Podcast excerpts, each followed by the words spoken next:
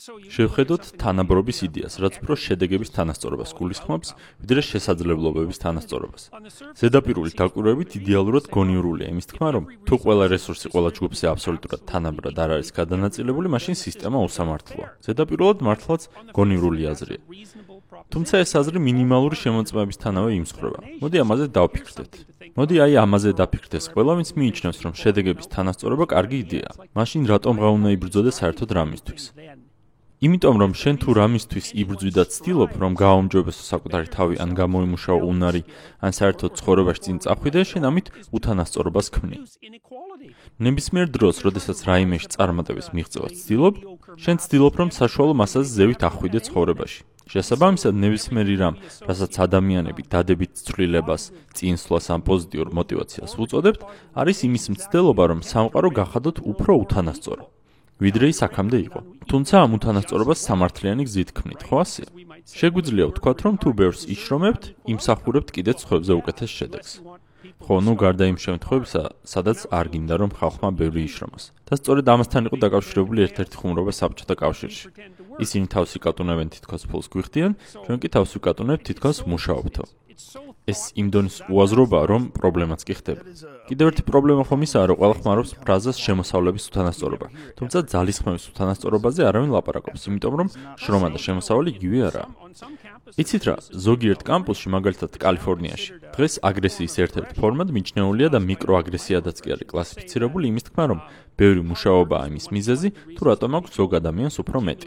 უფრო მეტი ღირებულება, მეტი, უფრო მეტი ღირებულება, მეტი ქონება, მეტი ფული. ამის თქმა აგრესიად ითვლება, იმიტომ რომ ეს ნიშნავს, რომ ღარიბი ხალხი საკმარისად ბევრს არ შრომობსო. ეს კი ძალიან წინააღმდეგობრივია. მემარცხენეობა ნებისმიერ რამეს რაც უკავშირდება დაშვებას, მაგალითად იმას, რომ თუ ვიღაცა ქალია, მაშინ ქალურად იფიქრებს, მემარცხენეები ამას არაგონიურულ стереოტიპად აღიქვამენ.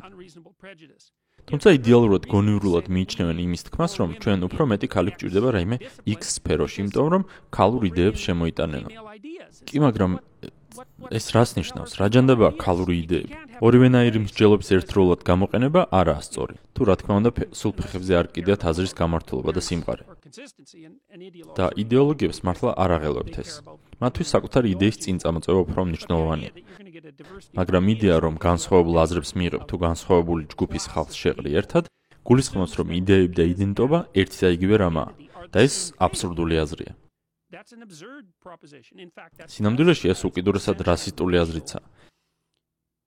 შავკანიანები სხვანაირად ფიქრობენ და თეთრკანიანები სხვანაირად? სულაც არა. ზოგის აზრები განსხვავდება, ზოგის კი ემთხვევა. და ეს დამთხვევები დიდი წილია და სხვაობა ინდივიდებს შორის გაცილებით დიდია ვიდრე სხვაობა ჯგუფებს შორის. გონი ყველა უნდა შევთანხმდეთ დისკრიმინაციასა და იმ იდეას შორის განსხვავებაზე, რომ ადამიანებს განსხვავებული რამეები იზიდავთ. დიდი განსხვავებაა იმას შორის, რომ ქალები ტექნიკური სფეროდან გავაძეოთ და იმას შორის, რომ ქალები ნაკლებად არიან დაინტერესებულები ტექნიკურ სფეროში კარიერის შექმნით. ტექნიკური სფერო მართლაც საინტერესოა, თუნდაც რამდენიმე მიზეზის გამო. პირველ რიგში ჰაი-ტექ სფერო მხოლოდ მას შემდეგ განვითარდა, რაც სამუშაო სივრცე ქალებსა და კაცებისთვის მეტ ნაკლებად თანასწორი იყო დაახლოებით 70-იანებში. ამის მიუხედავად, ამ სფეროში ქალების რაოდენობა მიზერულია. ქალების რაოდენობა გაცილებით დიდია მზრუნველ პროფესიებში. ამის ყველაზე თვალსაჩინო მაგალითია სკანდინავიის ქვეყნები, სადაც ყველაფერი იქნეს თანასწორობის შესაქმნელად. თუმცა ქალი ექთნების და კაცი ექთნების რაოდენობა ისე შეეფარდება ერთმანეთს, როგორც 20-ერთს. ხოლო ინჟინერიაში პირიქით. ახსენით, თუ შეგიძლიათ რა ხდება სკანდინავიაში, იმიტომ რომ ძალიან საინტერესოა რა ქნეს და რა შედეგები გამოიღო. კარგი, წარმოიდგინეთ, რომ ორი მიზეზია, რის გამოც ადამიანები განსხვავდებიან. ნუ, რა თქმა უნდა, ორზე მეტია მიზეზების რაოდენობა, მაგრამ წარმოიდგინოთ, რომ სულ ორია. პირველი იყოს გარე ფაქტორები, კულტურა მაგალითად, და მეორე ბიოლოგიური მიზეზები. რა მოხდება თუ გაანულებ კულტურული გარე ფაქტორების გავლენას? სკანდინავიაში ზუსტად ასე მოხდა.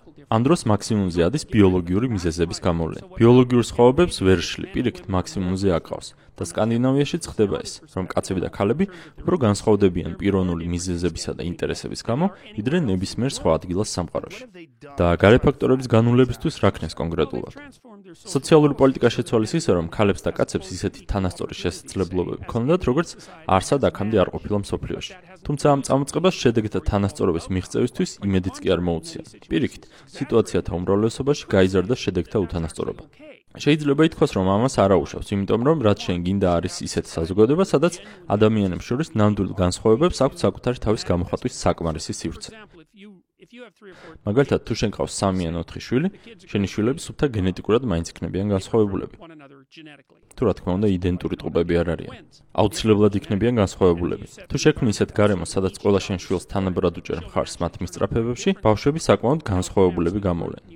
თუ პიროტყვი ხარ ვიღაცა და ცემ და ძალადობ შენ შვილებზე, უფრო დიდი ალბათობით დაემსგავსებიან ერთმანეთს, იმიტომ რომ უზარმაზარი ერთნაირი გარემო ფაქტორების გავლენის ქვეშ იქნებიან.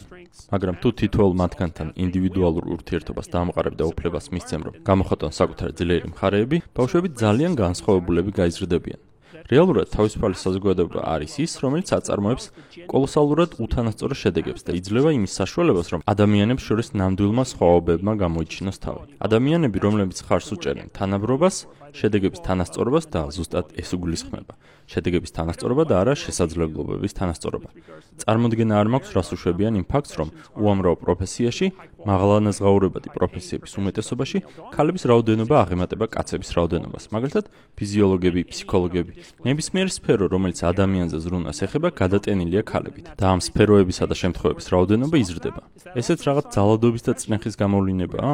ვაიძულოთ ქალებს, რომ ისეთი რაღაცები აკეთონ, რაც არ აინტერესებთ. მათ ისე გამოყავთ სიტუაცია, თითქოს ორი ადამიანი გვერდიგვერდ მუშაობს, ერთი ქალია, ერთი კაცი, ერთსა და იმას აკეთებენ და კაცი იღებს 1 დოლარს და ქალი 79 ცენტს. სინამდვილეში სხვანაირადაა? ეს ტიპიურია იდეოლოგიური დისკუსიისთვის. რაც ხდება ტექნიკურად, აი, წარმოიდგინე, სიგარებაზე ხომ ვილაპარაკეთ, ხო და? ძალიან ბევრი მიზეზია თუ რატომ შეიძლება საზოგადოების 1%-ს კონდეს უფრო მეტი ვიდრე დანარჩენს. ძალიან ბევრი მიზეზია თუ რატომ შეიძლება საშუალოდ ქალი აკეთებდეს უფრო ცოტა ფულს ვიდრე კაცი. აი, პატარა ბიზნესები რომ ავიღოთ, რომლებსაც ხელმძღვანელობენ ქალები. გაცილებით ნაკლებ ფულს აკეთებენ ვიდრე ბიზნესები, რომელსაც ხელმძღვანელობენ კაცები. მაგალითად, ქალების უმეტესობა საკუთარ ბიზნესს ნახევარ განაკვეთზე მართავს. თუნდაც იმიტომ, რომ შეიძლება შვილები ყავთ. ნაწილობრივ იმის ბრალიცაა, რომ კაცები ეწევენ ყველაზე საშინელ და საშიშ საქმიანობებს. ისეთებს, სადაც სიკვდილიანობის დონე ძალიან მაღალია. კაცები უფრო დიდი ალბათობით მუშაობენ გარეთ. კაცები უფრო დიდი ალბათობით იცვლიან სამსახურს კარიერის კეთებაში. ძალიან ბევრი მიზეზია იმისა, თუ რატომ არსებობს სხვაობა ქალებისა და კაცების მდგომარეობებს შორის. თუმცა თუ იდეოლოგი ხარ, მხოლოდ ერთი ცვლადი შეიძლება გქონდეს. უი, საშუალო თვალიღებთ ქალსა და კაცს განსხვავებული შემოსავლები აქვთ. ესე იგი სისტემა ყოფილა კორუმპირებულია. ღმერთო აი, რამდენი უნდა გეფიქრა ეგეთი თეორიული სცენარი, რომ ეს მოგეფიქრებინა. ძალიან ხისთავიანობაა ეს. ეს უბრალოდ იდეოლოგიის ფუშინგია, ზედმეტი დაფიქრების გარეშე.